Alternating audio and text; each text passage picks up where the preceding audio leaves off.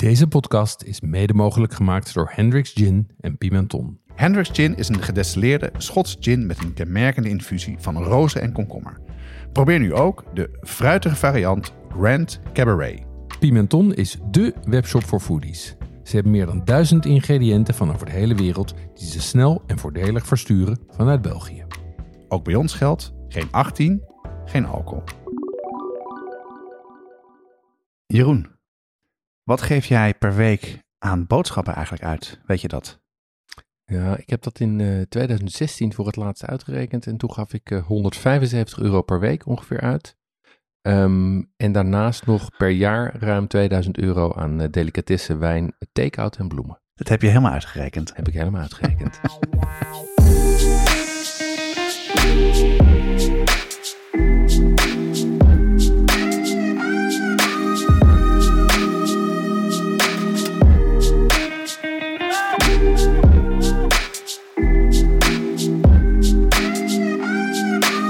Wat schaft de podcast gaat over lekker eten en drinken, zelf koken en buiten de deur eten. Het is voor iedereen, van de beginnende tot de ervaren thuiskok. Elke aflevering starten we met een drankje, dan bespreken we onze culinaire ervaringen en staat er één onderwerp centraal. Deze aflevering gaat over budgetkoken. En we zullen uitleggen waarom we een aandacht willen besteden aan koken met door minder geld uit te geven en hoe we er tegenaan kijken. Ja, en we maken het ook praktisch. Ehm, we hebben bijvoorbeeld de eh, KISS, eh, tips voor kostenbeheersing, maar natuurlijk ook bijpassende recepten. En een drankje, Jeroen. Wat, eh, wat, wat drinken we hierbij? Bij dit onderwerp met weinig geld en weinig geld koken. Ja, met een, eh, bij een onderwerp met weinig geld drinken wij natuurlijk een drankje voor weinig geld. Dus ik zal hem eens even een eh, glas voor je inschenken. Nou, we drinken rode wijn. Jeroen ehm, schenkt hem in. Zoals je al merken, luisteraars, Dry January, dat, ja, dat doen we niet aan. Nee, laten wij aan ons voorbij gaan. Ja, maar we doen wel aan Dry door the Week January. Ja, precies, maar dat doen we dry door het jaar, January Ja, al. en we dus- doen minder, maar beter. Dus ik ben heel benieuwd. Deze is en, en voor minder geld. Ja, En is ook, weet ik, zal even proeven. ja het, is een, eh, het is een rode wijn. Ehm, en waar ik naar op zoek ben gegaan is een rode wijn die, eh, die bijzonder betaalbaar is. Ja. Ehm, en eh, dat valt niet mee. Ik heb daarbij gebruik gemaakt van de Grote Hamersma. Ja, Ehm, Kennen veel mensen wel, denk ik, hè? Ja, ja, dat is een, eh, boek geschreven door, eh, door Harold Hamersma en Esmee Langereis. Waarin ze over het algemeen vooral supermarktwijnen, maar ook wijnen beoordelen. En dan geven ze cijfers. Ehm, en wat wij hier voor ons hebben staan, de Grand Seigneur, is de enige wijn onder de 5 euro die wel eens een 9 heeft gekregen. en dit is onder de 5 euro. Dit is onder de 5 euro. Is, voor de luisteraar, het is een, een rode wijn. Hij is een soepel wijntje. Ja, Ehm, hij heeft best een, eh, een, goede, goede neus. Ja. Hoe zou je het omschrijven qua... ja het, is, het, is een, het, is, het is een Bordeaux-stijl wijn, dus daar zit, daar zit zwart fruit in, Ja, kersen eh, en er zit wat hout in. Ehm, hij heeft redelijke lengte en ik vind, het een, eh, ik vind hem heel soepel drinken. Hij wordt gemaakt door eh, Pascal Marty. Ehm, die was voorheen van Baron Mouton Rothschild. Ehm, Rothschild. ja, en, eh, dus een, een klassieke Franse wijnmaker. Die is in eh, Chili eh, wijnen gaan maken. Een Chili, is het een Een Chileense wijn? Chileense wijn, ja, met Franse stijl. En ja, voor 4,45 kan je hier geen, geen buil aan vallen. Ja, want het is een heel... het is een, een fris wijntje aan de ene kant ook wel. Want hij heeft wel een zuurtje, maar niet, niet vervelend. Dus het is echt wel een wijn die bij veel soorten gerechten kan, denk ik. Ja, hij is veelzijdig. Ehm, eh, ik vind hem, hij, heeft, hij heeft redelijk wat complexiteit. Dus het is niet, hij is niet helemaal eendimensionaal. Hij zou wat meer lengte kunnen hebben, maar ja, voor 4,45. Ik heb er even contact over gehad met Esmee en die zei ja, een 9, eigenlijk is ne- vanaf 9 is het pas echt lekker. Daaronder is het allemaal, waar, daaronder is het allemaal net te doen. Het is eigenlijk hoef je het boek niet te kopen. Nou, jawel, voor de, voor de 9 9 en up. Ja. Mooi. Ehm, we hebben overigens, je had het net even over de brigade. We hebben ook een, eh, een, een leuke afspraak gemaakt met de importeur van deze wijn. Want de leden van de brigade kunnen een doosje bestellen en hoeven dan geen verzendkosten te betalen. hey, hartstikke goed, goed geregeld. Wat eh, waren jouw wisselwasjes, eh, Jonas? Ja, kijk, ik heb natuurlijk eh, een nieuwe, een nieuwe ehm, eh, barbecue. Ja, En, ja, en, en met kersttijd natuurlijk en de kerstvakantie helemaal niks kunnen doen. Net zoals iedereen. Dus ik heb heerlijk veel gebarbecued in, in jij bent gaan winterbarbecuen. Ja, ja, ik Ja. heb even slim wat, wat kerstverlichting en op het balkon opgehangen. En een lampje die, waardoor ik in het donker kan kijken. Maar ik heb echt epische spare ribs gemaakt. Oh ja? Ja, ik had jou even gebeld van, ja, hoe moet je dat dan maken of Mhm. zo'n ding? Daar moet ik echt wel nog aan wennen. En ehm, dat is volgens de 3-2-1 methode. Dus Wat eerst, is dat? ja, eerst ga je, ehm, pak je een rub. Ik heb Ja. de rub van de, van de site gebruikt. Ja. Ik vond er wel heel veel zout in zitten. Ja, is een hoogzoutrub. Zo, ja. dat vond ik wel echt confronterend Mhm. eh, als ik daar naar kijk. Maar achteraf dacht ik, nou, dit wordt bremzout. Maar dat is dus helemaal niet zo Nee. op een of andere manier. Nee, Dat is een heel- droge rub, hè? dus het merendeel blijft erop liggen, zeg Ja, maar. precies. Heb ik een nacht mee eh, in de ijskast gedaan. En eh, de volgende dag doe je hem dus eh, op 120 graden. Ja. Laat je hem heel zachtjes, laat je hem gaar worden. Ja. En dat duurt dan drie uur. Nou, Ja. het, het, het, het, het idee is drie uur één bereiding, twee uur de andere, één uur de laatste. Ja. Alleen in Nederland zijn de spare ribs van veel jongere beesten Ja, en minder vet. en minder vet. Dus Ja. eigenlijk moet je het allemaal een beetje terugbrengen. Want anders Mhm. wordt het in Amerika is het allemaal veel, is veel meer Amerikaanse manier. Ja. Ehm, en dan pak je het in. Ja. eh, in een mediumfolie. Ik doe eigenlijk ook altijd en papillot in papier. Ja. Dat het nog veel meer kan stomen. Mhm. met appelsap. Ja. En als laatste had ik een eigen barbecue saus gemaakt van Jamie Oliver. Met heel veel verse kruiden erin. Heel, heel veel munt en heel veel koriander. En die heb ik afgelakt. En dan heb ik het laatste uurtje heb ik hem nog... ehm, ja, dus Uit zonder... de verpakking. uit de eh. verpakking even... Ja, en het was zo ontzettend lekker. En wat ik ook had, Jeroen. Ik had een Ring of Fire. Kijk. Oh, ik moet dat recept even van jou hebben, want ik heb ze nog nooit echt goed gekregen. Nee? Dus eh, nee, Ja. nee, nee, nee, nee. Nou, ik was er heel erg blij verrast door. Ja, en een, ander ding is, ik, eh, dat eh, wordt al de luisteraar. En nog bedankt daarvoor, Jeroen, die onze Instagram-kanaal volgt. eh, niet ontgaan zijn. Ik ben net jarig geworden. Ik heb de, de jonge leeftijd van 50 jaar bereikt. Zeker. Jij hebt Abraham gezien? Ik heb zeker Abraham gezien. Ehm, ik heb een, ehm, ik heb een sous vide staaf gekregen van Anova. Eh, heeft mijn vrouw helemaal voor me geregeld. Maar ja, ik heb echt geen idee hoe het werkt. Dus ik had een Mhm. soort van boekje erbij verwacht met hoe moet je het maken. Nee. Eh, dat zit er niet bij. Jij zei, dat staat heel erg op de site. Ja, en de app? Ja, daar ben ik nog niet aan toegekomen. Maar ehm, wat ik wel meteen merkte is, oké, hoe moet ik hier nou mee beginnen? Ja.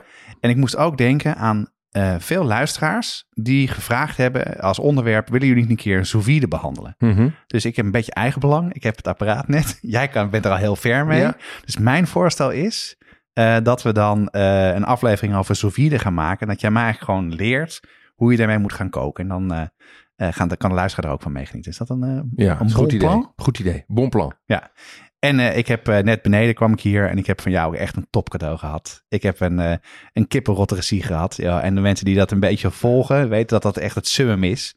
Dus, en dat is heel moeilijk aan te komen. Dus daar ben ik je ontzettend dankbaar voor. Ja, nou met plezier. Ik heb inderdaad mijn best gedaan om het te krijgen. Het grappige is met die kippenroten-series op dit moment... dat ze... we hebben een aantal luisteraars die daarnaar op, zo, op zoek zijn. Ehm, en eigenlijk zodra ze op Marktplaats verschijnen... zijn ze ook meteen weg. Ja, Ik zag door zelfs- jou. Ik zag ze, ja, ik heb er inmiddels drie, nu twee. Ehm, maar ik, eh, eh, ik, ik voorzie wel een kleine run op die rotisseries. Maar goede tip van Jonas, in België zijn ze goed Ja, te krijgen. daar heb ik dus, want Ja. ik was dus ook aan het zoeken, niet wetend dat ik hem van jou zou krijgen. En wij hebben elkaar net gekruist. Jij was maar net voor met Ja. één. dus ik had nog, wij belden op naar een verkoper en zeiden, ja, nee, daar was hier net een meneer met een bril ja. en een baard. En eh, ja, die heette Jeroen inderdaad. dus eh, dat was heel erg leuk. Heel goed. En jij, wat heb jij gedaan? Ehm, even kijken, ja, ik, heb, ik heb veel uitgesproken. Wat, wat, ik, wat ik echt even wil noemen is, ik heb eh, een exemplaar gekocht van Tummy Magazine. Dat is een nieuw, Wat is dat? Dat is een nieuw culinair magazine. ehm, wat ik denk vier keer per jaar gaat uitkomen. Het is zo- zoiets wat eigenlijk in zit tussen een boek en een, en een, en een magazine. Dus een beetje vergelijkbaar met Bouillon.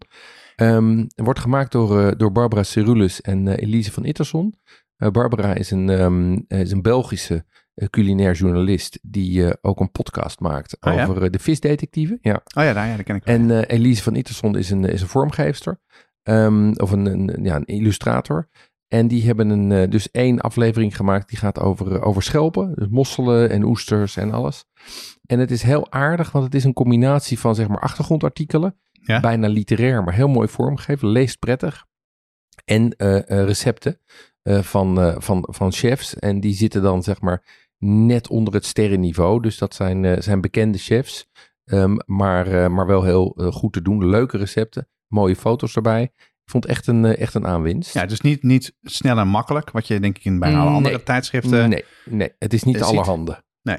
Wat Nee. ook prima is, maar... Nee, dit is echt, dit is eh, slow reading. Nou ja, voor mensen die echt geïnteresseerd zijn in koken en eten en de achtergrond. En eh, de mensen die naar de Kaas podcast luisteren en eh, mensen die naar deze podcast Ah, leuk luisteren. zeg. Ja. Nou, ben Eh, ze zijn nog te bestellen trouwens, via Ah, tummymac.com. Ik zal de link ook even op de website zetten. En er komt de volgende, gaat over heet. Dus over pittig, Oh, pittige Ja, dingen. nou, dat is in jouw straatje. Dat is zeker in mijn straatje. En verder? Ja, en verder heb ik rivierkreefjes gevangen achter mijn huis. Echt waar? Ja, zoals jij, eh, zoals jij weet, maar de luisteraars misschien niet, woon ik, eh, aan, het, eh, woon ik aan het IJmeer. Ja. En ehm, eh, ik heb dus water achter mijn huis, waardoor kinderen normaal in zwemmen. Ehm, en een van mijn buurmannen kwam aan met het idee om daar eens wat te kijken of daar geen rivierkreefjes zaten. Ja, want er zijn er veel hè, in, in en rond Amsterdam. Ja, ja want, en toevallig had ik ook net de, de Vis de Detective eh, podcast geluisterd. Die ging over Ja, rivierkreeften. wat lachen joh. Ehm, want het zijn inderdaad de invasieve exoten. Ehm, en ehm, eh, toen dacht ik, nou, ga maar eens kijken of we die kunnen vangen. En? Dat ging goed. Ja, ik heb er, eh, ik heb er drie of vier inmiddels gevangen. Oh, wauw joh. En eh, er zitten er nog weer, er zit- ik, ik heb er nog twee liggen.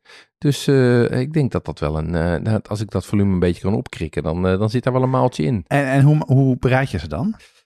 Ja, je, in eerste instantie gewoon koken. Gewoon Ja, ja, ja. eh, tien minuutjes. dan- Ja, gewoon als een kreeft, maar dan Ja. een klein kreeftje. Dus in kokend, eh, in zout water. Eerst, eh, eerst laat je ze even wat, wat purgeren. Dus je zet ze even in schoon water, dat ze even kunnen leeg, leeg poepen. Heerlijk. Ja. En, en, en daarna kook je ze gewoon. Ik moet nu denken aan, aan Boris Veldhuis van Zanten. Die ken je misschien ook wel, Ja. zo'n internetondernemer. En die heeft een eilandje in de Vinkeveense plassen. Mhm. En die was laatst, eh, was hij midden in de winter, liet hij, eh, was, liet hij een filmpje zien. eh, dat hij ging snorkelen met een Ja. totaal wetsuit aan. En Ja. ik, ja, wat- wie gaat er nou snorkelen in de winter? Dan had hij dus ook een onderwatercamera bij zich. Die ging dus handmatig rivierkreefjes pakken. En daarna lekker op de barbecue. Ja, want dat is de, dat is de methode. Ehm, je, moet ze, je moet ze individueel vangen. Je mag geen fuiken eh, zetten of dat soort dingen. Dus ik zeg even niks over hoe ik ze heb gevangen. We hebben een nieuwe partner, Pimenton, de webshop voor foodies en hobbycooks. Het is een online speciaalzaak voor moeilijk te krijgen ingrediënten. Van ingrediënten zoals eh, carnaroli rijst tot gochujang, ze hebben het allemaal. Het is een Belgische club en opgericht door een foodie. Ze bezorgen in de hele Benelux voor 3,95 en ga naar pimenton.be om te bestellen. Eh, voor de leden van die brigade eh, is er 12% korting. De actuele kortingscode vind je in de nieuwsbrief. Nou, dat is, een, eh, dat is dus eh, ja, voor niks eh, lekkere visjes of Ja. schaaldieren vinden. Dat past natuurlijk helemaal in het onderwerp wat we gaan, willen gaan behandelen vandaag. Dat is budget koken. En het is natuurlijk wel een apart onderwerp. Past natuurlijk wel een beetje bij het begin van het jaar... naar misschien wat duurdere kerstperiode van eh, een beetje uitpakken met eten. Uh-huh. Ehm, maar waarom wilde jij het hier graag over hebben? Nou, dat is. ehm, het begon met, met eh, één mailtje een jaar geleden of zoiets. Van een Ja. luisteraar die zei: Kunnen jullie het daar niets over hebben? Ehm, die zei: wij zijn, eh, wij zijn net begonnen. Ik ben net begonnen met werken. Hè, zit in de eerste baan. En ik hoor jullie allemaal lekkere dingen vertellen. Maar kan je het ook eens hebben over lekker koken voor weinig? Ehm, toen kregen we nog een, eh, een mailtje. Ehm, en wat wij ook wel uit de, de, de conversaties halen, met, eh, vooral op Instagram, is dat mensen denken dat wij veel geld aan uitgeven. En dat is niet zo. En ik vind het ook wel belangrijk om te zeggen dat ook met weinig geld kan je lekker eten. Want de sport is natuurlijk niet om, om hele dure ingrediënten. Zoals mijn vader altijd zei, het is heel makkelijk om, eh, om voor 50 euro ingrediënten te kopen en dan wat lekkers te maken. Maar de sport is natuurlijk juist met weinig geld wat lekkers maken. En dat kan makkelijk. En het is natuurlijk, het klinkt heel aanlokkelijk om een, een superduur stukje vlees te kopen. Maar dan kan Ja. je ook helemaal laten mislukken. Dus eh, het gaat veel om. eh, dus ik ben benieuwd. Ja, ik, ik herken het wel. Ik ben er ook al een tijdje mee bezig. Ehm, eh, maar waarom hou je het nou bij? Waarom ben je nou begonnen met dat geld bijhouden? Ja, dat is eigenlijk, dat is eigenlijk begonnen in, destijds in de dotcom-bubbel. Is ook ongeveer 20 jaar geleden. Toen, toen zaten wij in een periode waarin wij, zowel mijn vrouw als ik, voor onszelf waren begonnen. En we het dus even wat krapper hadden. Ehm, en toen dacht ik van, nou laten we eens even kijken naar het uitgavenpatroon. En toen bleek ik per jaar ongeveer 12.000 euro uit te geven aan de Albert Heijn thuisservice. De voorloper van wat tegenwoordig... dan kun je ja. makkelijk natuurlijk zien, hè? Want je ziet natuurlijk wat je allemaal besteld Ja, hebt. je ziet gewoon wat je besteld hebt. En, en, en toen bleek dat 12 mil te zijn. En toen dacht ik, ja, dat is ook Met z'n idioot. tweeën? Met z'n tweeën, ja. Ja. Dus toen zijn wij naar Lidl gegaan, toen al. En dat was, dat was toen nog veel minder chic dan Lidl nu is. En toen hebben we dat weten terug te brengen naar 6.500 euro. Ja, ja. Zonder dat wij zeg maar het gevoel hadden dat we erop inleverden qua kwaliteit. Ja. Dus sindsdien ben ik kostenbewust en eh, vergelijk ik prijzen. En, en heb ik ook zeg maar het spiel van de, van de supermarkten door. Ja, ja, want door jou zijn wij eh, de Lidl ook veel serieuzer gaan nemen. Ja. Eh, vooral voor groenten is die echt heel erg goed. Ja. Dus eh, wij doen nu ook niet meer boodschappen bij één supermarkt, maar bij verschillende plekken. Ja, Maar we, we hebben hetzelfde gehad. We, eh, Zo'n beetje 2009 waren we allebei onze baan verloren. ja, Ook allebei voor onszelf begonnen. ja. Auto totaal losgereden. En Wauw. dat is, nou niet geleden, was gewoon een, een, een olieleiding sprong. En mijn vrouw Oh, ja. zat met onze zoon van toen heel klein ergens op de snelweg. En ik moest mijn leaseauto inleveren. En dacht ik, ja, en een klein kind, geen auto, hoe doen we dat? Ja, En toen heb ik ook alles tegen het licht gehouden. En ik kom ongeveer op hetzelfde ook, kwam ik ook uit. Ja. We hadden onszelf een soort van budget gegeven van 150 euro per week. Om Ja. naar de boodschappen van te doen. Zijn we ook begonnen met weekmenu's maken. Ja. En eh, sinds die tijd ben ik er ook veel bewuster van. Soms ook helemaal niet. Mhm. Dan laat ik het gewoon los.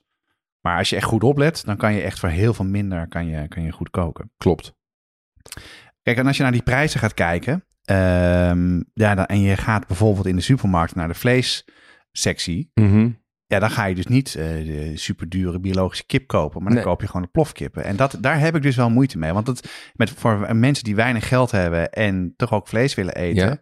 Ja. Het is zo makkelijk om allemaal shit te kopen. Maar ja, wat, wat moet je anders doen? Nou ja, kijk, ik, ik denk dat, dat de belangrijkste, het hoeft volgens mij niet. Ehm daar zit, er zitten een paar kanten aan. Het ene is dat de belangrijkste manier, kijk, ook biologische kip is natuurlijk niet heel duurzaam. Dus eigenlijk Nee, is het gewoon belangrijk dat je gewoon minder dierlijke producten eet en minder voedselkilometers. Dat je niet in februari groene asperges gaat zitten eten uit Peru. Nee, maar over vlees. Het is wel zo, ik doe wel, ik eet wel meer vlees dan jij, denk ik. Ik probeer Mhm. het wel. Jij bent er iets rigoureuzer in dan Ja. wij thuis zijn. Eh, maar ik eet alleen maar, probeer echt goed vlees te kopen. Zover Ja. dat kan. Hè? Dus Ja, waar je de, de, de slager kan geloven. En, eh, maar dat, ik heb er nu wel een paar adressen waarbij ik wel zeker weet dat dat oké is. Ehm, dat is veel lekkerder, Ja. maar ook echt heel erg veel duurder. Ja, maar, maar wat, wat wel interessant is, is dat ik heb, ehm, ik heb op een gegeven moment met een, eh, met een, een, een van de grootste eh groenteimporteurs van Nederland uitgebreid gesprek gehad daarover. Ook over duurzaamheid. En daar vergeleken we, eh, wij hadden het over een discussie tussen Lidl versus Albert Heijn. En wat je ziet is dat Albert Heijn, hij, hij ziet natuurlijk wat hij aan inkoopprijs heeft en hoe dat zich dan verhoudt, verhoudt tot de verkoopprijs. Ja, ja, ja. En wat je ziet is dat ze kopen grotendeels dezelfde producten. Ehm, maar er zit bij Albert Heijn gewoon veel meer overhead om- op. Dus daar leggen ze dan wel de claim op van duurzaamheid. Maar die claim van duurzaamheid is vaak, die is vaak boterzacht. En dat gaat toch over vertrouwen. En uiteindelijk is die claim van duurzaamheid natuurlijk gewoon het beste substantiëren door dingen te hebben waarvan je zeker weet dat er weinig dierenleed aan heeft gezeten. Dus vegetarisch of vegan zelfs. En dingen waarvan je weet dat ze weinig kilometers hebben gemaakt. Dus die van dichtbij komen. En dat is ook belangrijk, hè? In. Frankrijk heb je dat tegenwoordig vaker. hè, Dat je op het label kan zien hoeveel kilometer dit afgelegd heeft. En ja. dan kan je ook wel drie keer achter je oren krabben of het nou nodig is om iets uit Peru te laten komen. Nou ja, dat is het. Dat is het. Ja. Wat is dan budget? Wat Ja. is dan eh, budget koken? Waar moet je dan, wat, hoe wij hebben Waar dan, hebben we het over? Wij Wat hebben voor het gevoel dat, bedragen? dat we weinig geld uitgeven. Jij bent dit eh, verder helemaal gaan uitzoeken. Ja. Waar moet je aan denken dan? ja, voor ons, voor mannen zoals jij en ik, is het... Is het Mannen opleeft. Nee, maar ik voel me echt tussen mijn oren helemaal. Nee, eh, maar- maar mannen, mannen tussen, de- tussen, de 14 en de, tussen de 14 en de 50, daarvoor is het budget eh 1,75 per persoon voor de warme maaltijd. Ah, dat ga je niet. Echt waar? Ja. Zo weinig. En daarmee kan je een, dat is het minimumbedrag voor een gezonde maaltijd voor een man van 14 tot 50 in een driepersoons huishouden. En dat is volgens het Nibud en het voedingscentrum. En wat is voor kinderen dan? Ja, dat wordt dan dus minder. Dat zakt dan op een gegeven moment naar een euro of zoiets. Dus ik moet voor 4,50 euro een, een gerecht op tafel zetten voor met z'n drieën Ja. bij ons thuis. Ja, en dat kan. En ik denk dat je dat ook best vaak doet. Ja, dat denk ik ook wel. Maar dat is, dat is, Het wel voelt shocking. weinig. Ja. Ja, maar, dat, maar dat, is, dat betekent dus dat, dat je die, dat je die tonijnsteaks en die biefstuk, dat je die, moet, dat je die vaak moet laten liggen. Ja, doe en ik dat ook die wel buffel- hoor, En dat drie bollen buffelmozzarella Ja, ook precies. geen idee is. Ja, maar dat zijn dan wel de andere dingen. Dus als je dus, ja, dat klopt. Ja. Ja. Eh, wat de luisteraar niet weet, we hebben dit eh, van tevoren besproken. Want dit wel- kwam dus natuurlijk door die luisteraars, waar wij al gemaild en dachten van, is dit een goed onderwerp? Ik vond het echt een super saai onderwerp. Ja, en jij had er geen zin in. Nou, nee, ik vind het, eh, ik doe het eigenlijk wel, maar, eh, maar jij vond het een heel leuk onderwerp. Ja, ik vind het leuk. En Ja. dus ik ben heel erg benieuwd, leg mij uit en de luisteraar, hoe je dan budget kan koken. Hoe, hoe moet je dat aanpakken? Nou, kijk, budget koken is vooral een kwestie van inkopen en plannen. Het gaat er vooral om dat je eh, je efficiency haalt uit slim inkopen en de dingen goed plannen. Ja, ja. En door er iets meer tijd voor te nemen, ook, laat ik zeggen, saaie ingrediënten toch naar een aantrekkelijk niveau weet te brengen. En eigenlijk heb je daarin twee strategieën. Ik, ik noem het al die planstrategie. Je hebt ook nog een andere strategie, dat is de last minute improvisatie. Ehm, daar kan ik ook nog even wat over vertellen. En daarnaast zijn er ook een aantal hacks die je kan gebruiken om te zorgen dat gerechten die dat witte kool, wat natuurlijk een bijzonder onsexy product is, Ja. om dat wel lekker te maken. Ja, wat ik heel veel eet trouwens. Witte kool. Ja, Ja, ja in, Japan, in Japan is dat een, echt een ding wat, je, wat bijna veel ge- geserveerd wordt. Maar er gaat er wel een, eh, een dressing overheen die het lekker maakt. precies. Maar dat Ja. soort hacks, dus daarmee kom je in heel eind. Ja, interessant. Nou, laten we beginnen. Wat doen we als eerste? Nou, Plannen, laten we, denk ik, ja, laten we beginnen met plannen. Kijk, de, we hebben het er al eerder over gehad in, in de podcast nummer 20, weekmenu. De sleutel tot efficiënt werken is een, goeie, is een planning. Want door die planning kan je efficiëntie maken, kan je er ook voor zorgen dat je dingen niet hoeft weg te gooien. Ehm, dus wat we daarin hebben bespreken, besproken is je plant een week vooruit. Je haalt die boodschappen in één keer en je gaat doen dan wat we noemen meal preppen. Ja. Dus je kookt niet alles last minute, maar je doet ook dingen al de avond van tevoren. Of je maakt iets op maandag wat je volgens op woensdag gaat opeten. Ja, dat laatste doe, doe ik dus bijna niet. Nee? Eh, ik ben wel van het, het, het plannen, vooruit plannen en ook dus naar meerdere plekken gaan. Eh, Ik ben, heb ook, wat ik al eerder verteld heb, dus een soort van eh, een Trello- Trello-board waar we alle recepten op hebben staan. Ja. En linkjes naar eh, recepten en dingen. Mhm. Als ik het dus aan andere mensen vertel, en die, die kijken me soms aan van, echt? Ben jij het een week vooruit? Wat saai is Ja. dat? Ja, nou ja, als, als je dat echt niet wil, is het alternatief dus improviseren. Maar laten we het daar straks even over ja, hebben. precies, ja. Want dat is wel een, dat kan, maar dat is wel, dat is voor gevorderde kokers. Ja, zeg en dan maar. red, maar dus als je het dus niet doet, dan red je het bijna niet om die 1,75 Nee, dan red je het bijna niet. Nee, want dan, want dan, pak je, dan pak je de dingen die snel en lekker zijn. En dan zit je dus heel snel met een biefstuk, gebakken Ja. aardappeltjes, een zakje sla en een dressing. Ja, en dan zit je, geef je 12 euro uit voor zijn, eh, voor zijn vieren. Dus efficiënt koken betekent plannen. Eh, jij prept ook dingen, Ja. je bereidt dingen voor. Ja. Eh, dat doe je voor gewoon efficiëntie en dus geld besparen. Ja. Eh, hoe doe je dit dan? Kan je er een voorbeeld van geven? Ja, dingen, die- dingen die, ik- die ik doe zijn bijvoorbeeld ehm, eh, de groenten. ja? Kijk, in principe, weet je, vooral knolgroenten zijn natuurlijk helemaal niet zo aantrekkelijk op zich als je ze kookt. Maar als je gaat roosteren zijn ze een stuk lekkerder. Ja. Alleen, roosteren duurt drie kwartier. Ehm, maar wat je prima kan doen, is, groen, is op, als je op maandag geroosterde groenten eet, dan kunnen die op eh, donderdag ook weer in een taco.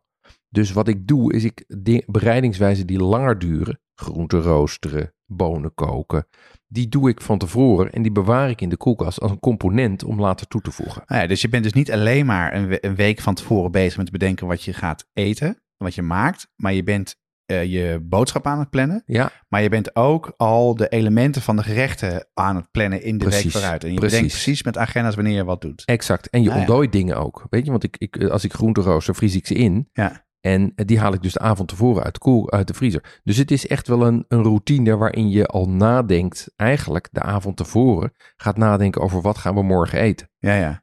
En dus, dus dat doe je niet, doe je dat allemaal in het weekend? Of doe je dat, dat preppen? Mm, Dat doe ik soms in het weekend. Weekend is natuurlijk bij uitstek het moment om dat te doen. Ja, dat doe ik Eh, wel namelijk. Bij alle Ja, lange dingen die langer duren, dan heb ik dan even de tijd voor. ja, maar dat, het kan natuurlijk ook. Ik, ik doe het ook soms na het eten. Zeker als je een maaltijd hebt die je helemaal hebt voorbereid.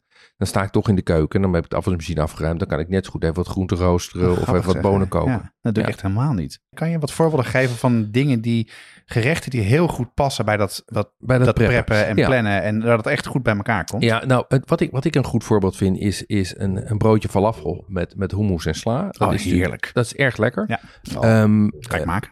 Maar als je dat kant-en-klaar maakt, dan red je dat niet binnen het budget. Want kant-en-klaar... toch? Ja. Kan elkaar gewoon Ja. kopen, dus hummus kopen. en- Ja, ja, maar, maar want falafel en, en hummus kant-en-klaar zijn, zijn toch, weet ik wat. Falafel kost 2,50 euro voor een bakje en, eh en hummus kost 2 euro. Ehm, als je dan nog broodjes en sla erbij hebt zitten en je hebt twee bakjes nodig, zit je toch weer op een tientje. Ja. ben je al te hoog. Maar als je het zelf gaat maken, dan, dan, hoe, dan, dan red je het wel. Want dan ga je die bonen van tevoren weken. Ja, En je die weet, kikkererwten. ja, die kikkererwten. En wat je dan dus ook doet, is dan week je die avond tevoren je kikkererwten.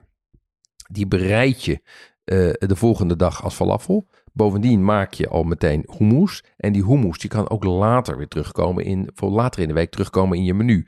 En dat bedoel ik dus met preppen, dat je de avond tevoren al die bonen bereidt. Ja. En dat je op de dag zelf je falafel maakt, maar ook je hummus maakt. En die hummus die komt weer terug, want die blijft een week goed in de koelkast. Ja, ja en ook die, die is ook hartstikke goed in te vriezen. Precies, ja. Dit, eh, dit is, komt overigens allemaal uit, eh, uit WhatsApp, de podcast 14. Daarin vertellen we daar uitgebreid over. Maar dat is een voorbeeld van, van hoe ik eh, prep. Het is wel zo, want we hebben dat in, wat jij net zei, in die aflevering hebben we dus dit onderzocht. Hè? Wat is een lekkere hummus en hoe maak je die zelf? Ja, En dat is dus los van het vooruitplannen super simpel. Ja. En, en zoveel lekkerder dan als je het gewoon koopt in een bakje eh, Klopt. in de, in de supermarkt. En, eh, en dat vind ik wel wat leuker van, ook van een podcast maken en van dit soort dingen doen. Is dat als je een keer dingen helemaal zelf hebt gemaakt, dan kan je ook veel slimmer beslissen. Oké, ik koop dat gewoon niet meer. Ik maak het zelf. Ja. En, dan, en, dan is het dus niet meer 10 euro voor een gezin van vijf mensen, maar dan wordt het minder. klopt. Ja, goeie. Heb je nog een voorbeeld? Ehm, ja, een voorbeeld wat ik vorige week heb gemaakt. eh, gehaktballen. Eh, gehaktballen, daar, als je de, wat, ik, wat ik daarbij doe, en dat is een kwestie van echt plannen in je inkoop. Ehm, ik wacht dan gewoon tot biologisch gehakt in de aanbieding is. Oh, dat doe je zo, ja. Ja, ik wacht tot dat in de, en, en, dan, en dat was laatst weer in de aanbieding. En dan koop ik dus meteen 2 kilo. Ja, Ehm, ja, ja, daar maak ik 12 ballen van met jus.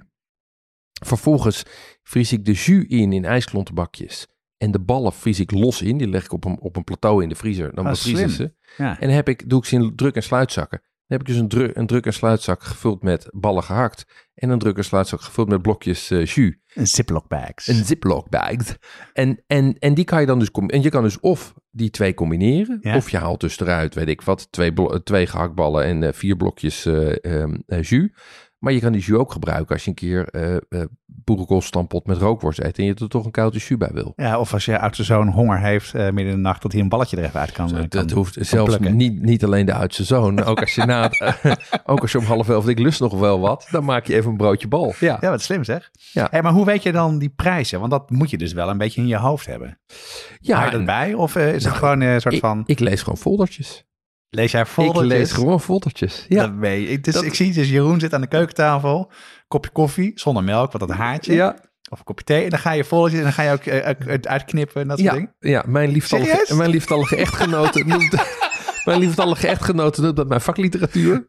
Oh ja, ja. Oh, dan ga ik zitten met een stapel foldertjes en dan kijk ik wat er in de aanbieding is. En eh, eh, ja, maar weet je... dat Ik dacht is- dat ik je al een beetje kende, maar dit, dit is echt een... dit is een... eh, dit is een, een ja, precies. Ik verlies nu... Ineens val ik van mijn Nee, voetstuk af. helemaal niet, want ik, het is wel zo. Nee, maar het scheelt veel, Jonas. Het Ja. scheelt echt veel. Ja, ik ga je een ander verhaal vertellen, maar dat is he- even een vriend van mij, Ja. eh, die, eh, ik zal zijn naam niet noemen. Ik denk ook niet dat hij luistert, dus ik mag het wel zeggen. Ja, Die, eh, die is ontzettend van de centen. Ja, En, eh, en als wij altijd eh, uitgingen of zo, dan beheerde hij altijd de pot. ja. Als we op windsport gingen, dan was hij altijd degene die de gezamenlijke... Want dat wist je altijd, gaat altijd perfect. Oké. Wordt tot de cent werd dat uitgerekend. ja, ja. Maar als je bij hem ging eten, en vroeger had je nog in de bonus bij de Albert Heijn, zaten er rode stickers op. Ja, Dus in het studentenhuis waar hij woonde, deed je de kastjes open. En je wist dat precies welke van hem waren. Want alle alles wat- 35 procent. En je ging ook altijd naar de, naar de, naar de, de bakker. Ik kreeg altijd brood van de dag ervoor. Ze ja, dat is bijna altijd van de dag ervoor. En dat scheelt de helft. ja, Maar ja, dat werkt dus wel. Kijk, toen moest ik er heel erg om lachen. Maar nu doe ik precies hetzelfde. Nou ja, en, en, ik, maar, en ik koop dus ook, weet je, zeker dingen die in de diepvries zitten. Ehm, eh, eh, ik koop, ik heb laatst weer, wa- was de, was de diepvries vis was in de aanbieding. Ehm, eh, zacht fruit, groenten, dus spinazie, doppertjes, ehm, dat soort dingen. Ehm, maar ook dingen die in de ijzeren voorraad horen. Dus pasta. ehm, eh, Nou ja. Regelmatig ligt die bij de Albert Heijn in de eh, 2 plus 1. Ja, ik eh, neem dan vaak gewoon vier pakken pasta mee. Slim hoor. Ja. En, en want het scheelt, het scheelt echt. Want ik bedoel, twee, twee, hè, de tweede gratis is gewoon 50% korting. ja, zeker. Ja. Dan ben je al een hele stap onderweg van die 12.000 naar die eh, 6,5. ja, maar dat is het doel, toch? Ja, ja. ja. ja.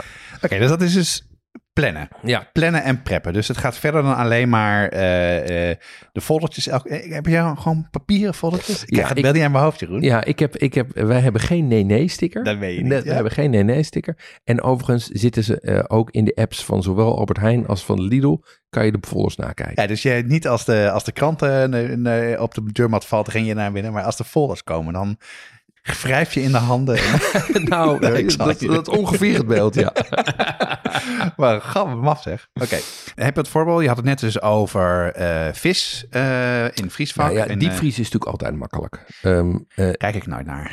ja, ik, ik, ik, koop, Gek is dat eigenlijk. ik koop mijn vis of bij de visspeciaalzaak. Ja. En dan koop ik het in de stad. En dan heb ik één of twee viszaken waar ik naartoe ga. En de rest doe ik niet. ja, want vis is moeilijk duur, is, is duur vaak. Hè? Vis is duur en met vis word je makkelijk besodemieterd. Ja. Eh, ik heb ook laatst weer een paar keer gehad dat ik door een visboer waar ik normaal niet kwam, dat ik kwam dat ik gewoon dat, gewoon, dat ze ineens per ongeluk eh 29,95 voor de zalm aansloeg in plaats van 19,95.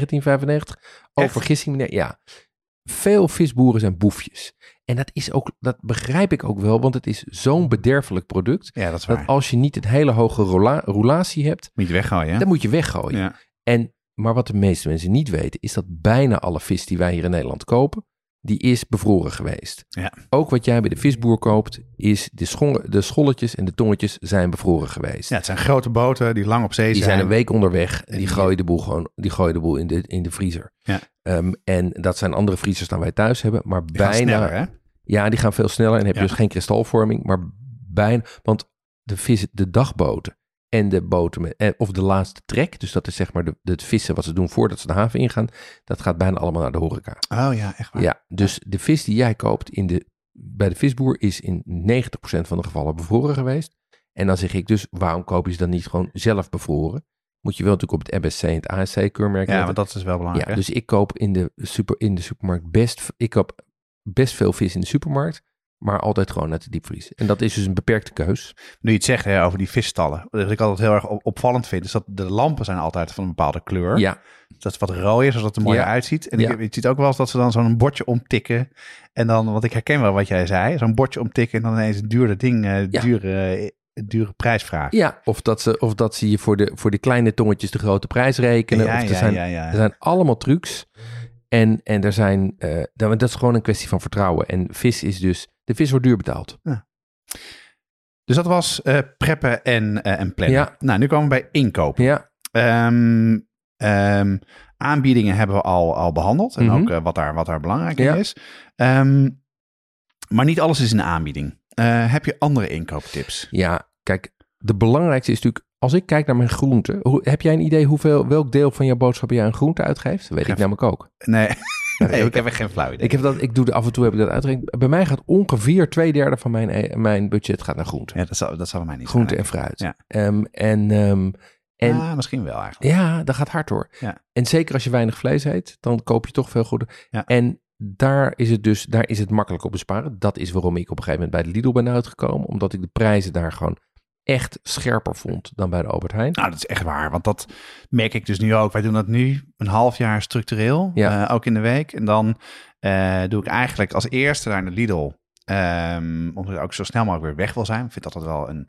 Rotwinkel, dus verschrikkelijk. rotmensen. Nou, dat niet. Rotkassa's. Maar het is gewoon... eh, nou ja, ben ik een enorme snop nu. Maar goed.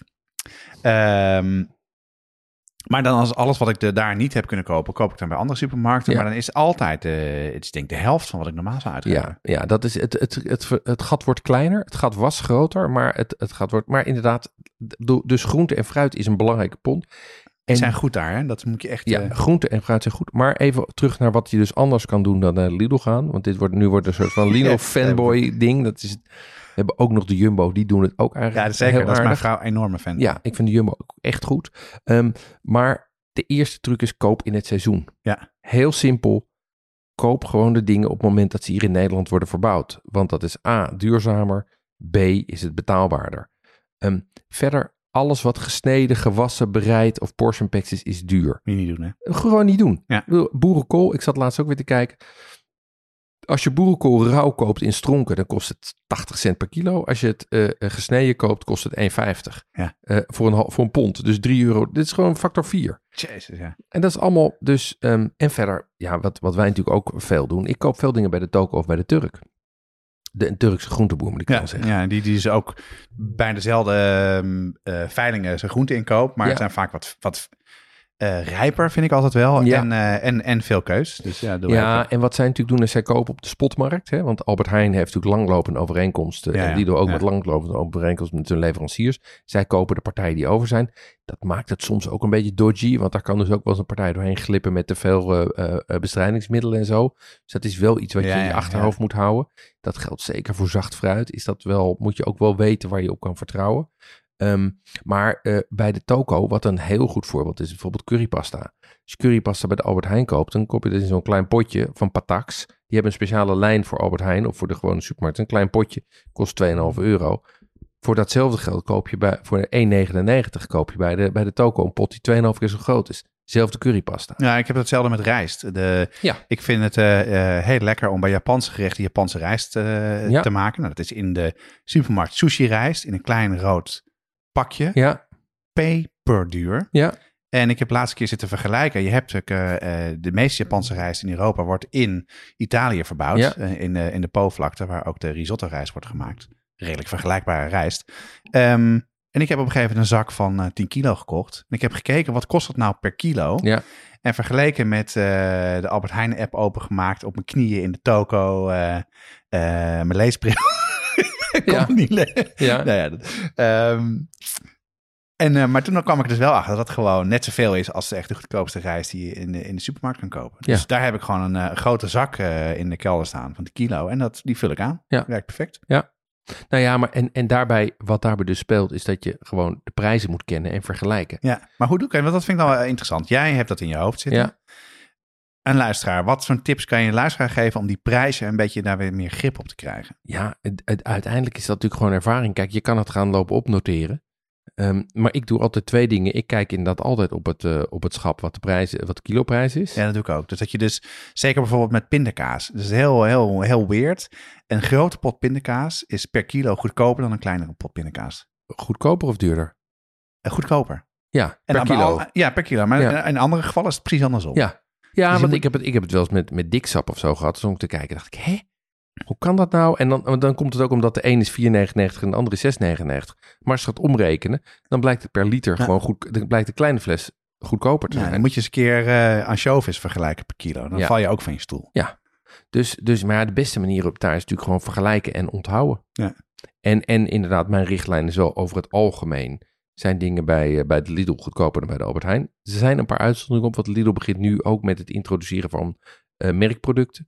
Ehm, en ik zag bijvoorbeeld bij kattenvoer dat dat gewoon duurder is dan bij de Albert Heijn. Ja, ja. ja. Oké, dus dat is gewoon een kwestie van veel doen en een beetje Ja. bijhouden en af en toe eens even uitrekenen. Precies. Oké. En wat zijn nou producten die heel erg in prijs wisselen afhankelijk van de seizoenen, die seizoengevoelig zijn? Nou ja, de, sowieso fruit natuurlijk. Eh, het bekendste voorbeeld is zacht fruit. eh, aardbeien, frambozen, dat soort dingen. Eh, die zijn gewoon op het moment dat ze in het seizoen zijn veel lekkerder, veel betaalbaarder.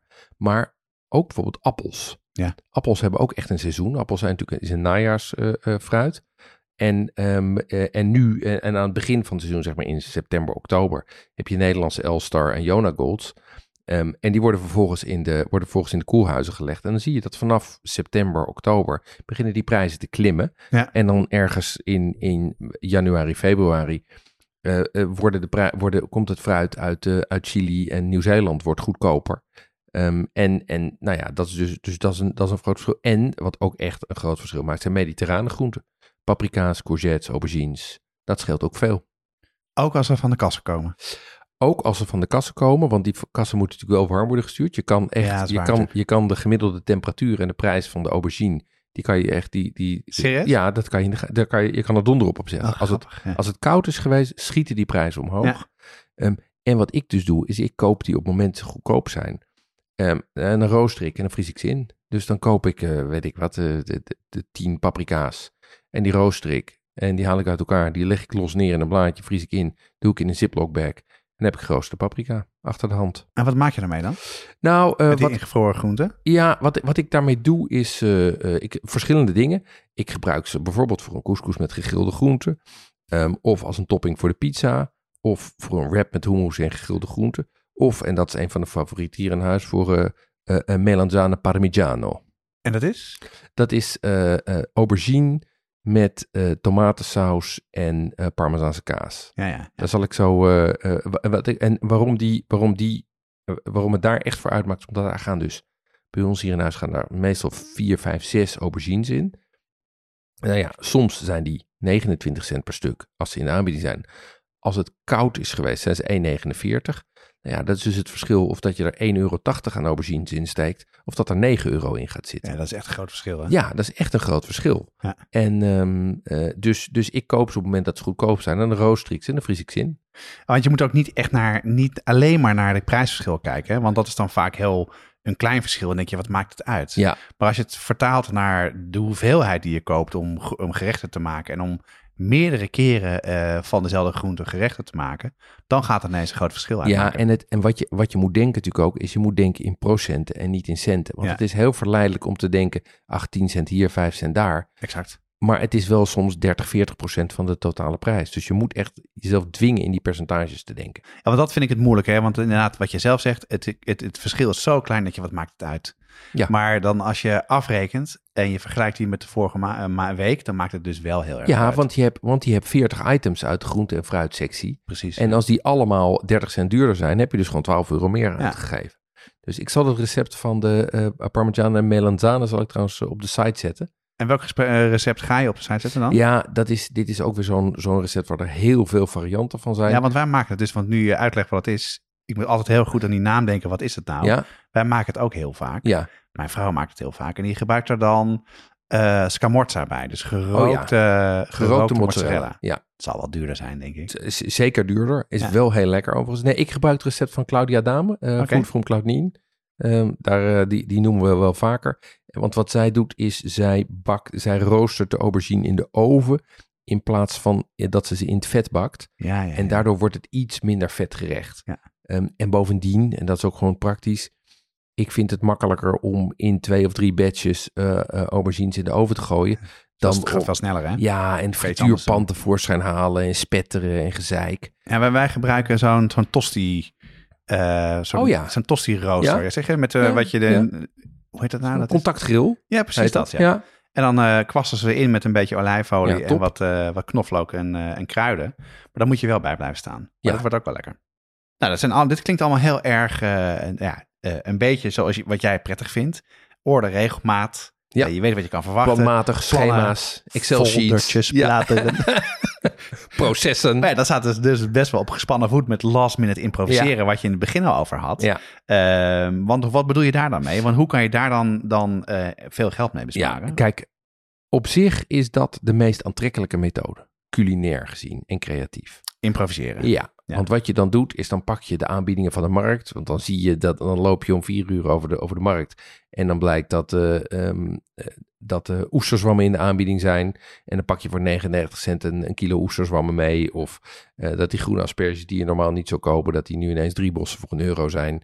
Dus dan, dan, daar heb je natuurlijk voordeel aan. Ja, maar dan, dan moet je gaan bedenken wat je daarmee maakt. Ja, en, en overigens hoef je daarvoor niet naar de markt, want je kan ook bij de, bij de supermarkten die 35% producten pakken van jou. Dat is Ja. natuurlijk ook alweer een slok op een borrel.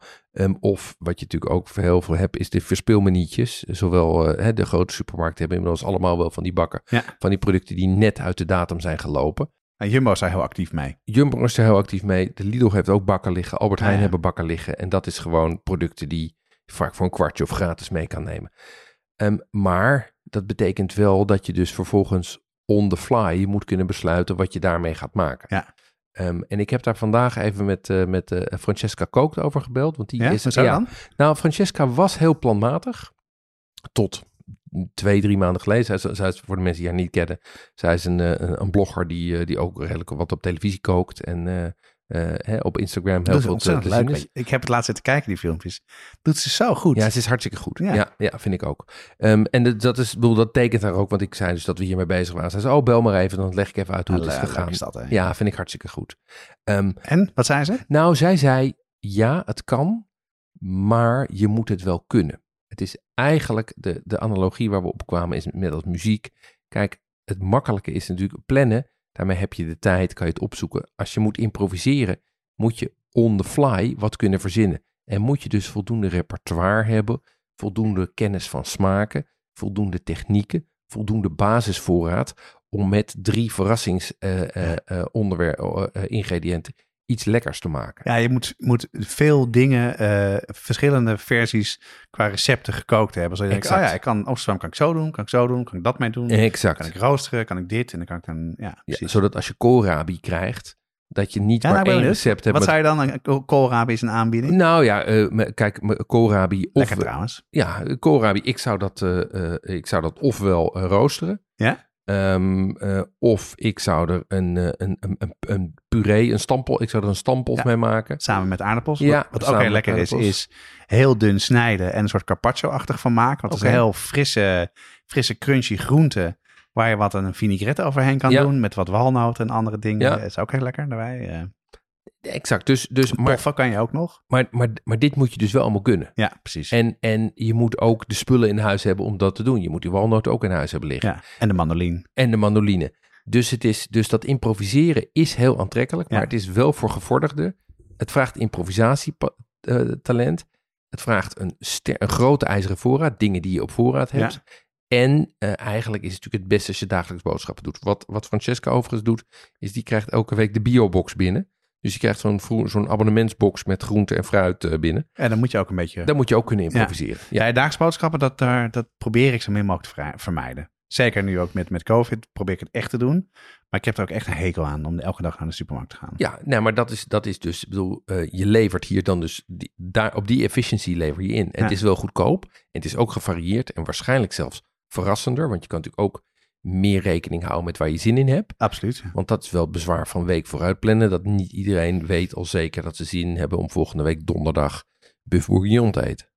Dat zijn heel erg de praktische dingen. Ja. Hè? Dus, dus eh, hoe je dingen aanpakt, eh, hoe je wel of niet improviseert. Of je, ehm, maar hoe kan je nou, want eh, we begonnen ook met bijvoorbeeld minder vlees eten of andere Mhm. dingen. Ja, Ehm, je, hebt ook wat minder ruimte om gerechten echt super smaakvol te maken. hè. Je moet echt al wat hacks gaan, eh, eh, gaan toepassen om eten eh, wat niet te duur is om te maken, maar toch heel interessant om, is om te eten. Wat, Ja. wat voor een, hoe zou je dat aanpakken? Nou, ik, eigenlijk, eigenlijk heb, ik een, heb ik daar een aantal trucs voor die ik gebruik. Ehm, de eerste is restgebruik. Dus dat is gebruiken van restjes van producten. Tweede is dingen zelf maken. Ja? En het laatste is smaak maximaliseren van vlakke producten. En restgebruik, wat, wat, geef eens een voorbeeld. Ja, nou, bijvoorbeeld als ik kip eet. Dat we eten nogal eens kip sinds, Ja. we- sinds het kippenovertje. Ja, ja. ik heb er zin in. nee, maar Oh Kijk- mensen, ik ben echt zo blij ermee. ik, ik koop dan een hele kip. Ehm, een hele kip is voordelig. Een hele kip kost... Goedkoper hè ook. Ja, 10, 12 euro kost een hele kip. Het klinkt, Ehm, het klinkt dus duurder. Ja, Dan maar, daar als kan, je, maar kan je, daar kan je drie keer van eten. Precies. Ja. Want je kan er een keer gebraden kip van eten. Je kan er een keer bouillon van trekken en er een soep mee maken. Ja. En je kan, hem, eh, je kan de restjes die nog aan het karkas zitten, kan je uitpluizen en bijvoorbeeld in de taco's doen. Ja, of eh, de pindasoep van of in de pindasoes. Die had ik laatst gedaan. Exact. Dus dan heb Met- je één kip en daar eet je drie keer van. Ja. Ehm, maar dan moet je dus wel een hele kip kopen. Dan moet je dus ook in je planning de rekening mee hebben dat je drie keer dat gaat eten. Je moet ruimte hebben in je koelkast om het weg te zetten. En in je vriezer, als je het even wil bewaren. Precies. Dus, dus dat is kip- restgebruik. En een hele goede kip kopen, dat is nog best een uitdaging, heb ik gemerkt. En wij wonen in, Amsterdam. ja, En dan zijn er best wel wat plekken. Eh, maar eh, dat is wel de moeite waard om, om een beetje onderzoek naar te doen. Ja. Of je ze online kan bestellen of Nou een ja, boerderij in de buurt hebt. grote, grote supermarkten hebben tegenwoordig ook goede kip. Toch wel? Ja, zwartpootkip en eh, die Franse, eh, wat is het, label rouge kip. Ja. Ik kon het laatst niet vinden, maar... eh, Nee, maar ze verstoppen het ook een beetje. Het is, nee, maar Ah, veel, ja. mensen, veel mensen vinden het natuurlijk toch ingewikkeld, zo'n Ja. heel beest. ja, en wat dus in de aflevering over gebraden kip blijkt helemaal niet ingewikkeld is. Het is helemaal niet ingewikkeld. Het is voordeliger, het is lekkerder, het is beter voor de beest. Oké, maar dat is niet alleen dingen die je eh, koopt. Nee. Wat doe je dan met dingen qua bereiden? Je zei net, ik sta na het eten, heb ik nog tijd over, doe ik wat anders. Kun je daar wat voorbeelden van geven? Hoe je dat dus kan, dat die smaak kan verbeteren of dingen... Ja, ik, ik denk dat ik twee voorbeelden kan geven. Het ene is als ik met een bepaalde bereidingswijze bezig ben, met de oven of bijvoorbeeld met de frituur, dan prep ik meteen ook al vooruit. Frituur is denk ik het beste voorbeeld. Ik vind bloemkool heel lekker als het gefrituurd is. Ja, dat is heerlijk. Hè? Hartstikke lekker. Maar ik ga voor een bloemkoolfrituur niet speciaal een frituur opzetten. Nee. Dus wat ik doe is als ik frietjes frituur of als ik vis frituur, dan doe ik daarna, pak ik meteen even een half bloemkooltje Dat mee. is slim zeg. En die gaan de koelkast in. En die gaat dan ook, nou ja, in een, door een couscous of als een bijgerecht. Of eh, als, een, ik bedoel, als een lunch. eh, eh, of met hummus als, een, als zeg maar een, een, een tweede gerecht in je, in, je, in je bereiding. Dus ik, ik pak ook in voor, bereidingswijze, maak ik dan zeg maar gebruik van het feit dat ik het heb uitgezet.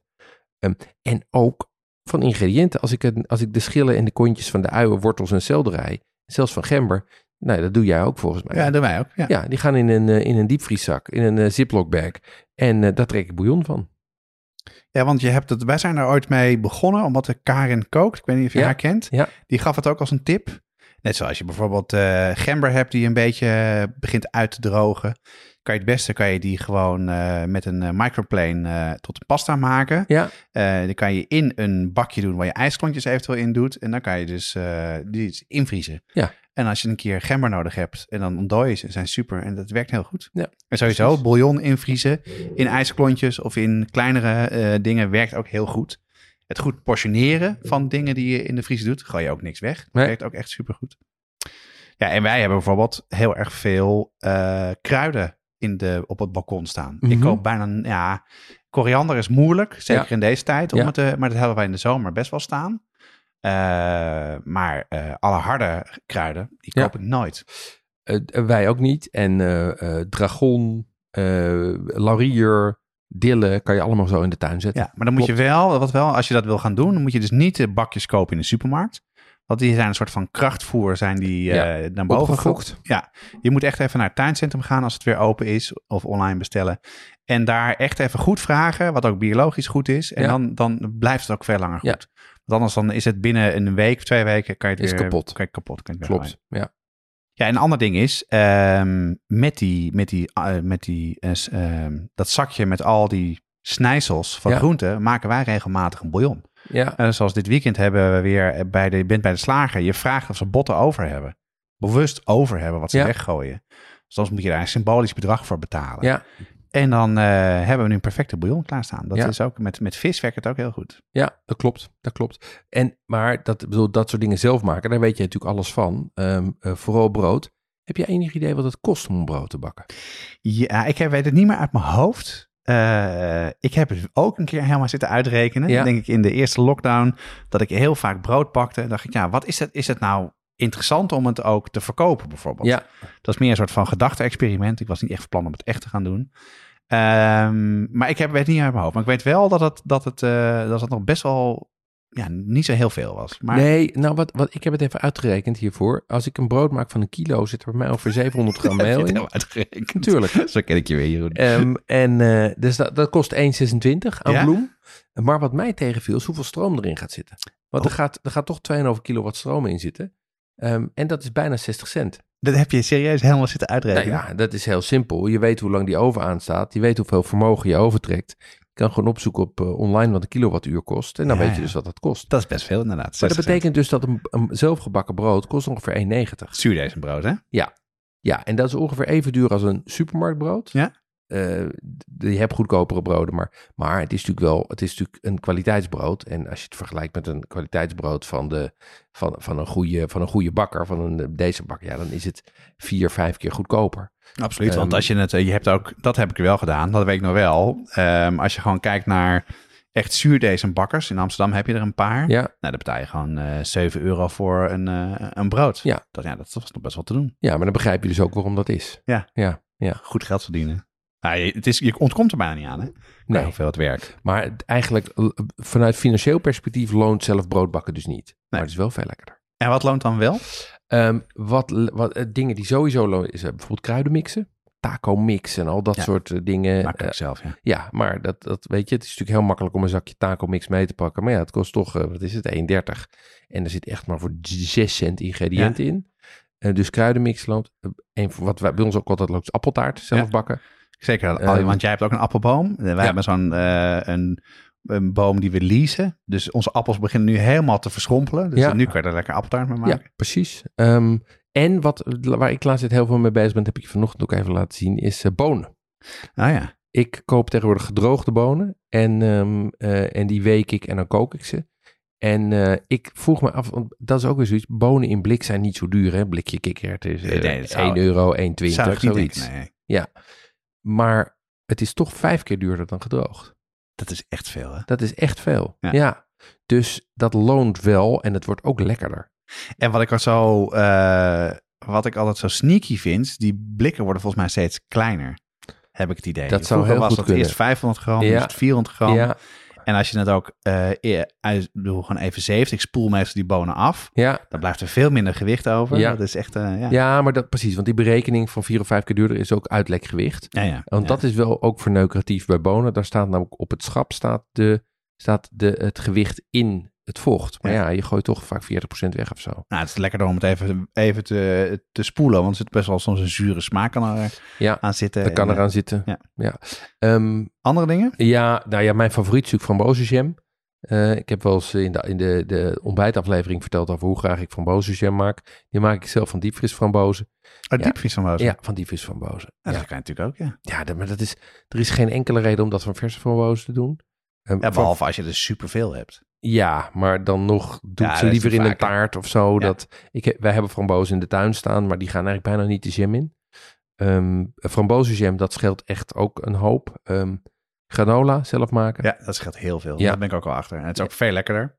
En dan kan je ook een beetje bijvoorbeeld spelen met zout. Als je minder zout wil eten. Of met suiker of met vet of dat soort dingen. Dat, eh, Nou ja, kijk, het is natuurlijk wat dat betreft, zie je al als het, dat, er, dat er zoveel varianten en ook hele hippe varianten in de supermarkt staan, is natuurlijk al een teken dat het een high margin product is. ja, precies, ja. zo kan je er ook naar kijken. Hè? Ja.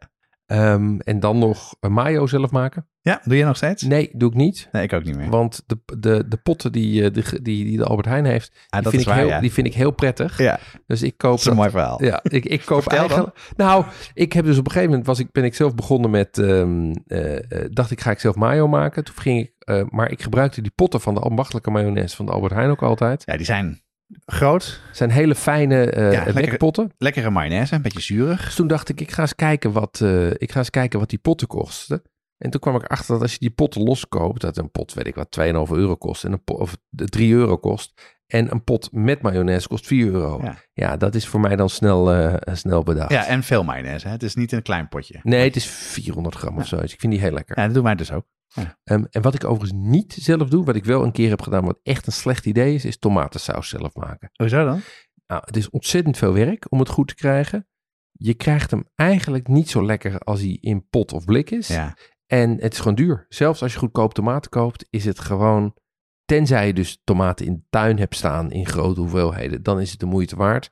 Maar ik, ik, je, je, het lukt mij gewoon niet om te concurreren met die tomaten die uit eh, Zuid-Italië komen. ja. En ze zijn dus ook veel lekkerder, die tomaten. Ze zijn, ze Ja. gaan rijp een pot in. Ja. En alles waarbij je eh, tomaten in saus doet, hoe zou ik eigenlijk nooit verse tomaten gebruiken, maar altijd uit, uit een blik. Precies. Van de jam en de granola hebben we de recepten op de site staan. Ehm, wat je natuurlijk ook goed kan doen, is dingen zelf plukken. Eh, vooral paddenstoelen gaat fantastisch. Kan jij nog even vertellen hoe, hoe je dat doet en wat dat oplevert? Ja, dat maakt dus echt heel erg veel uit. Dat is ook zoiets wat, wat je, je koopt wel als een, een zakje eh, gedroogd ehm, eekhoornsbrood. Ja. En dan kan je uitrekenen hoeveel dat is. Ik heb dat een keer met mijn zoon uitgerekend. Eh, die wilde kijken hoe die money kon maken. Ja, Moniz. Ja, en, eh, en hij, zijn ogen gingen echt open. Eh, het is natuurlijk wel zo, als je paddenstoelen plukt, en dat moet je echt alleen maar doen als je weet hoe je het moet doen. Maar goed, misschien gaan we met de brigade in, de, in het najaar daar wat leuks mee organiseren. Ja, Hè? ja. Ehm, dus met z'n allen paddenstoelen plukken. Ehm, wat je doet, is eh, je hebt twee dingen die je doet. Als je ze, want je vindt er dan, je moet niet te veel plukken, vind ik. Dat doe ik eigenlijk nooit. Maar je kan het eh, invriezen, Ja. direct. Zeker boleten blijven goed, maar je vriest ze dus zonder te bereiden in. Mhm, Dan gooi je ze in een saus. mhm. En ik droog ze. Ja. En ik droog ze dan op uit mijn hoofd eh 50 of 60 graden. Ja, Met de hete luchtoven eh oprekken, dun gesneden. En dan haal ik de oven openstaan. Dat, eh, nou, ben je twee, drie uur ben je daarmee bezig. En bewaar ik ze in potten. Ja. En dat gaat heel erg fermenteren. Die smaak wordt veel sterker. ja, Dus, eh, en dan hou je wel minder over. Maar wat je overhoudt is intens van smaak. En perfect als smaakmaker om dingen aan dingen toe te voegen. Dus dat Ja. werkt heel goed. ja, leuk. Ehm, dit kan je overigens ook doen met kastanjes of bramen Of wilde bosbessen. Ja, wilde bosbessen. ja. We ja. waren laatst in de herfstvakantie in een bos aan het wandelen. Zat een oud mannetje met een krukje, met Mhm. zijn tas met fietstassen. En er was een soort van plek waar we waren bij de Veluwe. Ontzettend veel bosbessen. Zat heel rustig met zijn handschoentjes bosbesjes te, te halen. Ik deed dat eh, met mijn vader ook altijd. Oh, Die heeft tot hoge leeftijd eh, zelf eh, bosbessen geplukt. Ja, Ik kan me goed voorstellen. Het is ook heel lekker zijn ze dan. De- het- veel lekkerder. Ja. Totaal iets anders. Ja. Nou, we hebben het eerder gehad over hacks. Ja. Ehm, de smaak toevoegen. Ja. Dus kan je daar wat voorbeelden van geven? ja, kijk. Het idee is natuurlijk om, om goedkope ingrediënten, zoals kool of knollen, eh, veel smaak te geven. Ja. En dat kan je doen door ze te roosteren. Bijvoorbeeld eh, met groenten of eh, met bloemkool kan je dat doen. Ja, wordt de smaak intenser. Hè? Wordt de smaak intenser. Ehm, je kan dat doen door verse kruiden toe te voegen. Ja. Ehm, of je kan dat doen door umami toe te voegen, hè, de vijfde smaak. Met sojasaus, miso, kaas of gedroogde paddenstoelen die je net al noemde. Ja, zeker. Ehm, en we hebben een aantal recepten op de site staan die, waarin, waarin we dat doen. En waarin je eigenlijk van simpele dingen toch iets heel, met heel veel smaak maakt. Ja, zoals de, de umami bomkom van Ja. Yvette van Boven. Ja, precies. En eh, verschillende risotto's met paddenstoelen. ja. En eh, een gerecht van Janneke Vreugdeheel. eh van een knolselderij die je een beetje bereidt alsof het een eh, vlees is. Ja. Maar dat doe je dan, wat doe je dan ook weer? Blauwe kaas. Nee, dat was het ja. Ja. Dat, dat maakt de smaak dan. Dat geeft de smaak. Ja. Ja. En jij hebt natuurlijk je, je bekende miso klepel chicken. Ja, dat is echt zo'n ontzettend eh, van tof gerecht. Voor de mensen die een eh, rijstkoker hebben, staat op de site. Er wordt ook veel eh, van gekookt. Eh, je gooit alles bij elkaar eh, en daar zit dus heel veel miso in. En ook wat sojasaus eh, en uh, wine. Eh, en dan komt dus een heel soort van warme, mooi gerecht uit met een sappige kip. Heerlijk. En Top. kip kan je ook vervangen, vervangen voor van alles. Eh, harde groenten, knollen, dat soort dingen. Hm. Heerlijk. Alright, volgens mij eh, moeten wij naar het vegetarisch repertoire. Zeker. Wat, eh, je, wat heb jij gekozen daarvoor? Ja, ik heb, ik heb iets uitgezocht uit het boekje Paddenstoelen van Eva Postuma de Boer. Ja?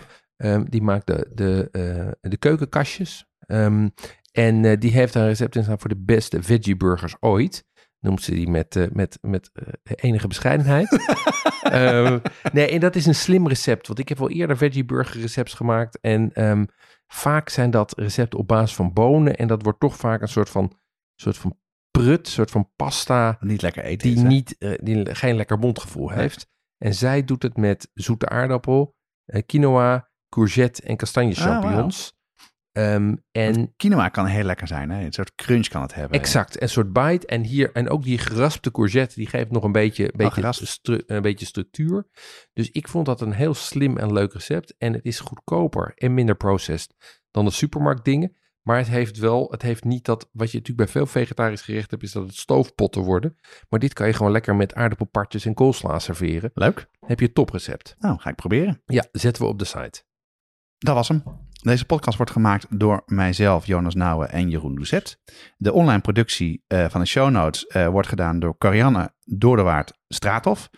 Brigadelid nummer 1. Dat is een eer, die, eh, die kan niemand anders meer krijgen. Je kan reacties sturen naar jonas.watschattenpodcast.com of jeroen.watschattenpodcast.com. Of je kan contact met ons opnemen via onze sociale kanalen, zoals Instagram. En dan stuur je ons een DM. Ja, wij geven elke aflevering vette dingen weg die we krijgen. Speciaal aan de leden van de brigade. En zoals we net al zeiden, daarvoor kan je je aanmelden op de website. Elke twee weken op donderdag komt er een nieuwe aflevering online. Vanaf nu weer. We zijn weer uit onze winterpauze. En eh, als je je aanmeldt voor de nieuwsbrief, dan krijg je een mail wanneer die live gaat. Maar daar gaan ook alle andere dingen die we organiseren voor brigadeleden en niet-brigadeleden staan erin. Dus doe dat. Help ons door eh, deze podcast door te sturen naar één iemand die ook van lekker eten en drinken houdt. En laat een review achter op Apple Podcast. Jonas, hebben we nog leuke reacties gehad? Ja, we hebben zeker wat leuke reacties gehad. Eentje eh, van Molaan27. Eh, heerlijk voor het oor. Vijf sterren, dankjewel. Mijn eerste recensie ooit. Toch kon ik het niet laten om jullie vijf sterren te geven, want het is lekker om jullie zo relaxed en, ge- en gepassioneerd over eten te horen praten. Dankjewel voor alle watertanden. Nou, dank jij wel voor de review. Ja, en El Sterno zei: Krijg er honger van? Jullie stemmen klinken elitair en bekakt. Daar moest ik even doorheen prikken, want volgens mij zien jullie het alles boven. Nou, je moest eens weten. Ja, Ja. dat moeten weten. Ja. De inhoud is geweldig, echte liefhebbers. Leuke verhalen, originele onderwerpen. Ik ben een fan. Ga zo door. PS, probeer eens bubble tea bij het Taiwanese Tea in Rotterdam. met roomkaas of met Yakult. Ik ben geen tiener, ook geen twintiger, maar ze zijn daar heerlijk. Het is helemaal juist. Als je nog een podcast wilt luisteren, eh, hebben we zeker een tip voor je. En dat is de Kaas Podcast. Eh, ik heb hem ook helemaal geluisterd. En ik heb ooit de kaas ook al gekocht. Echt een top eh, en uitvinding. Dus luister, we gaan heel even naar hun trailer luisteren. Mag ik mij even een keer uitleggen wat een podcast is? En of we dat kunnen. Ik ben Joppe Gelderloos. En ik ben Lieven Heremans. We hebben samen jarenlang in een kaaswinkel en proeflokaal gewerkt. En daar zo vaak uitgelegd hoe je een kaasplank opbouwt, dat we nu hebben besloten om het maar eens op te nemen. Vastleggen voor de eeuwigheid. Wij wijzen je de weg door de overdaad aan geuren, smaken, verhalen en ervaringen die op je ligt te wachten in de kaaswinkel of in het restaurant. Dat doen we door elke aflevering met een andere culinair expert of kaasmaker een kaasplankje te proeven. En aan het einde van het eerste seizoen kan je zelfstandig een kaasplankje samenstellen. En voor de kenners, de mensen die denken dat ze alles al weten, we gaan ook voor je op zoek naar de verhalen achter de smaken die je koelkast uitkomen druipen in de reportages die we maken bij verschillende boeren in het land. Nou, ik, ik wil altijd heel graag boer worden. Dat, dat heeft niks met eh, beslissingen of zo te maken. Dat is een drift die Dat in zit je erin, zit of ja. zo. Ja, een oerdrift. En als het lukt, maken we misschien zelf ook wel een kaas. Ze zien er prachtig uit, maar de smaak eh, is nog... eh, Kaas, een podcast over kaas Voor mensen met een zekere zwakte voor zuivel. die meer willen weten over wat ze eten. Eigenlijk zouden we dit moeten proeven en dan gewoon even vijf minuten ons bek moeten houden en dan pas erover praten. Want terwijl ik... Tot de volgende keer. Tot de volgende keer.